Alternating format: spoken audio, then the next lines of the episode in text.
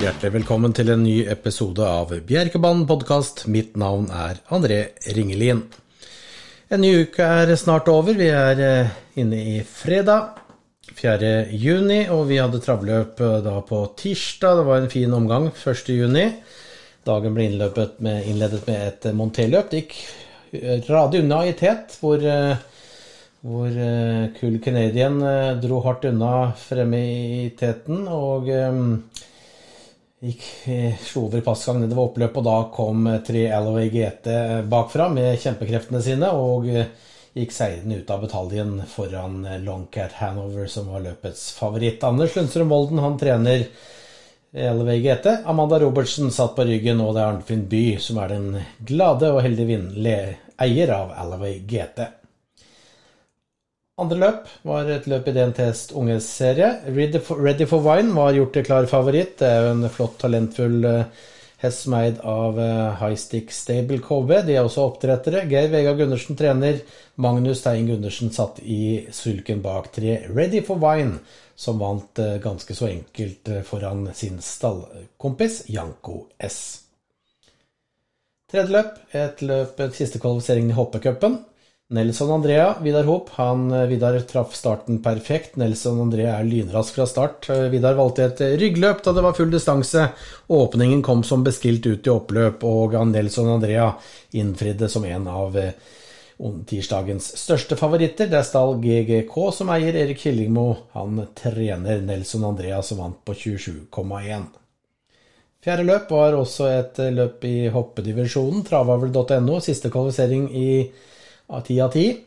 Beaks Lively og Vidar Hop gikk tidlig ut i dødens, og Vidar bestemte tempo derfra. Og til slutt så var det Beaks Lively som vant på 15,4 på en enkel måte. Det er Anette Riise som både eier og trener Beaks Lively. Femte løp det var siste kvalifiseringen i grunncupen for kaldblodshester. Norge, kapasitetstesten Norge var gjort til favoritt. Han galopperte innledningsvis og la ned mye meter på galoppen, men for en opphentning eh, Bjørn Steinsets flotte Norge gjorde. Kom tilbake og tok en helenkel seier med herlig seiersgest fra Bjørn Steinseth på 25,1. Det er Kjell Olav Holsveen som eier, og Bjørn Steinseth har både kusket og trener. Sjette løp. Da går vi over til grunndivisjonen. Siste kvalifisering i meetinget der. Dragonfly. Strålende opplag fra, for, for, dagen. Rett i tet. Dag Sveinung Dalen satt bare og koste seg og styrte hendelsene fremme i tet. 13-6 ble vinnertiden på hesten som er eh, trent av Kjell Magne Sand, og han eier hesten sammen med Inger-Lise Struck. Syvende løp. Borganos løp. Det var V75-finalen. Vetle-Petter. For en stil det er på Vetle-Petter om dagen. Arnt Sverre Røren, som eier hesten sammen med Oddbjørg Meløy Røren. Han har en herlig hest som er tilbake igjen på, helt på topp nå. Han bare dundra unna, var rask fra start. I amerikanervogna satt Arnt Sverre til, tilbakelent og vant på solide 23 blank på 2100 mm, meter. En herlig seier for Arnt Sverre Røren og Vetle Petter. Åttende løpet, det var et løp i Verklebalde Cup. Her var det mye galopper blant deltakerne. Dag Sjumi viste seg fram som en strålende vinner. Marius Høytomt trener. Det er Stall Dovrefjell som eh, eier. Eirik Høytomt han satt i sulken bak Dag Sjumi, som vant på 31,7. Dagens siste løp fikk også en fin vinner i Arn Branders. Arn Branders som nå virkelig har funnet stilen. Han starta på tillegg, men var eh, etter hvert framme i teten og eh, dro unna. Vant på 27,3 for sin kusk og trener Olav Mikkelborg, og det er Karina Beate Andersen og Inge Johnsen som er heldige eiere av Alm Randers, som avsluttet tirsdagskvelden. Det var litt tilbakeblikk på løpene som har vært. Vi nærmer oss jo Oslo Grand Prix, og i dag har vi kunnet gå ut med litt mer informasjon. Vi kan starte da med, med disse hestene som vi har presentert i dag. Vi har eh, hatt utfordringer. Det er superstrenge innreiserestriksjoner til Norge. Det betyr at kusker, for eh, utenlandske kusker, ikke får kjørt, eh, kjørt eh, løp i Norge. Treneren Tvilsomt om så mange trenere får være med også, fordi det er unntak for yrkessjåfører. Så vi får frakta hestene til Bjerke med yrkessjåfører. Og så er det Noen har leid inn norske stallfolk som skal selge ut hestene. Og, og, alle må leie inn norske kusker. Så foreløpig så har vi Vitruvio fra Italia. Han vant i 2019 og ble nummer tre i fjor.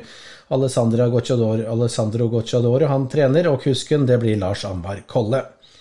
Dragster, en spennende hest fra Sverige, som er, han er en voksen hest, men har slått ut i full blomst og vant gulldivisjonen i Sverige nest sist. Roger Malmqvist han trener Dragster, og kusken det blir Tom Erik Solberg.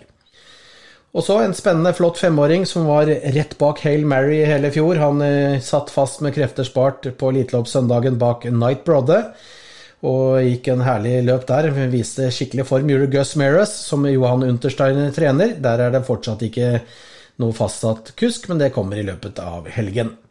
Første norske som er klar, det er Hikko Dupu, vinneren av Finlandiaio. Og han ga også et flott inntrykk i eliteløpskvalifiseringen da han satt i tredje par innvendig rygg på Money Viking.